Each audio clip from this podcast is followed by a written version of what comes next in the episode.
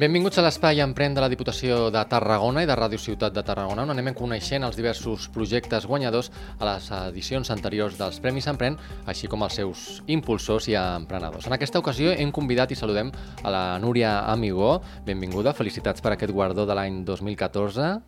Gràcies, bon, per bon un projecte que sorgeix no, de la Universitat Rovira i Virgili que es tracta de desenvolupament d'un test avançat de lipoproteïnes per millorar la predicció del risc cardiovascular. En què consisteix o com ho podríem entendre? Bé, les, les lipoproteïnes són les partícules que transporten el colesterol i els triglicèrids a través de la sang. És com el mecanisme que la natura ha desenvolupat perquè algú que no és miscible en aigua pugui viatjar, com són els greixos. Llavors, um, quan, quan una persona uh, està exposada a nivells elevats de colesterol, el que es coneix com a colesterol dolent, colesterol LDL, el seu risc de tenir un accident cardiovascular en el futur és més gran. El que passa és que anys rere anys de recerca clínica havien ensenyat que no és només el fet de que eh, la quantitat de colesterol a la qual estem exposats, sinó també la mida d'aquestes partícules que el transporten, perquè apareixen moltíssims accidents cardiovasculars en persones que tenen nivells correctes de colesterol dolent o colesterol LDL. I per tant, de, de dues persones que poguessin tenir exactament la mateixa concentració, eh, en el cas que en una d'elles aquest greix anés transportat en partícules molt petitetes, aquestes serien capaces de creuar les parets arterials, acumular-se i generar eventualment un accident cardiovascular en el futur amb molta més probabilitat que una altra persona.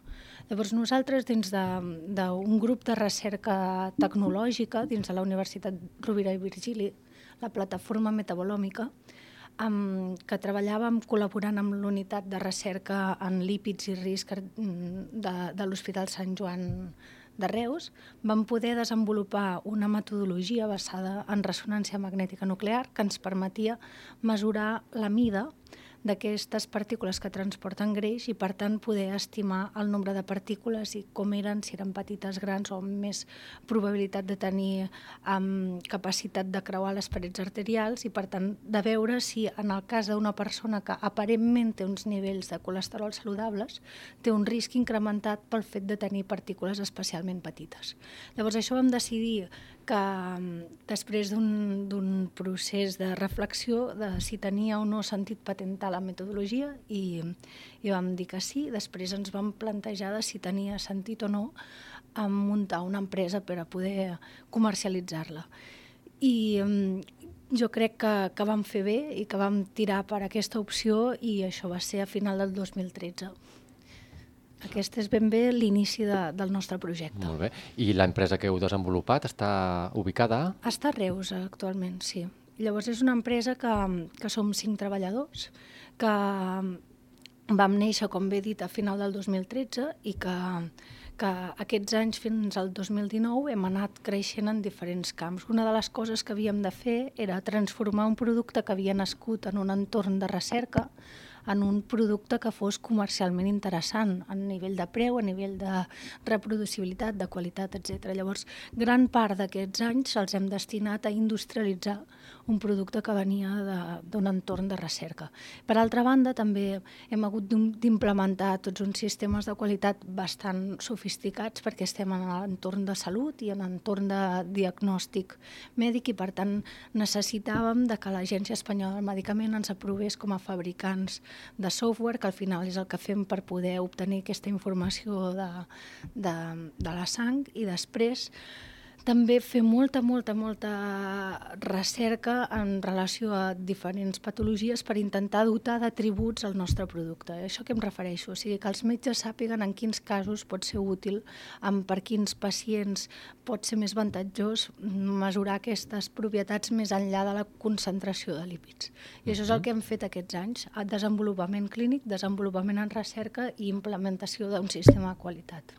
A part, um, vam tenir la sort de que un laboratori farmacèutic, que és el Laboratori Rubió, que és un laboratori català de, de Many Mitjà, um, apostés en el projecte i, i va invertir en, en un moment bastant inicial amb dotant-nos no només del suport econòmic, sinó bé, ells van comprar un 30% de l'empresa i a canvi d'això també amb, um, es responsabilitzaven de la comercialització del test de lipoproteïnes inicial um, a nivell europeu. Llavors, ells actualment han aconseguit diferents acords de comercialització i, de fet, el nostre test ja es pot comprar a laboratoris Echevarne a Barcelona o a laboratoris Megalab, ara Eurofins, o ja està implementat en alguns hospitals públics del sistema sanitari.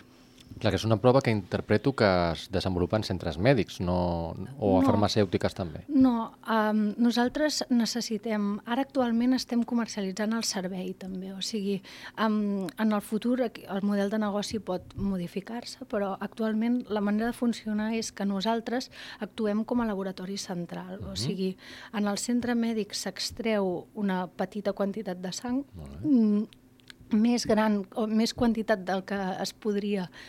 Necessitem més quantitat del que s'hauria de necessitar en el cas de poder ser un test que es vengués en farmàcies, per tant, no podem ser un test que es vengui en farmàcies, necessitem extracció.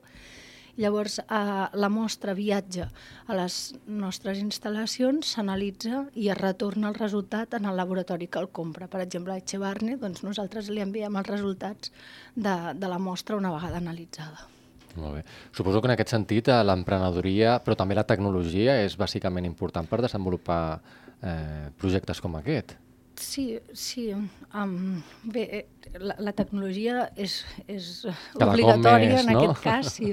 I després, suposo que emprenedoria et refereixes a un esperit de voler portar uh -huh. la tecnologia al mercat.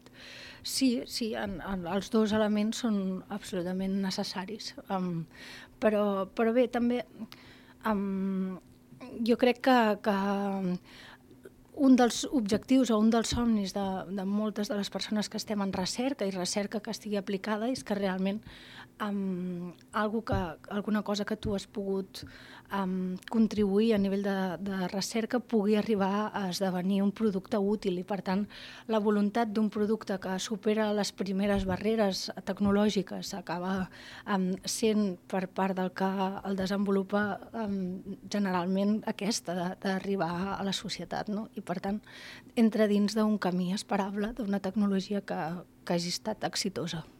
Perquè m'has explicat, mm, mm, certament ha sigut un camí d'èxits, no? però suposo que també us haureu trobat dificultats al, a l'inici i suposo que estaràs d'acord que també cal més aposta econòmica per a aquest tipus d'emprenedoria de, sí, sí. i de...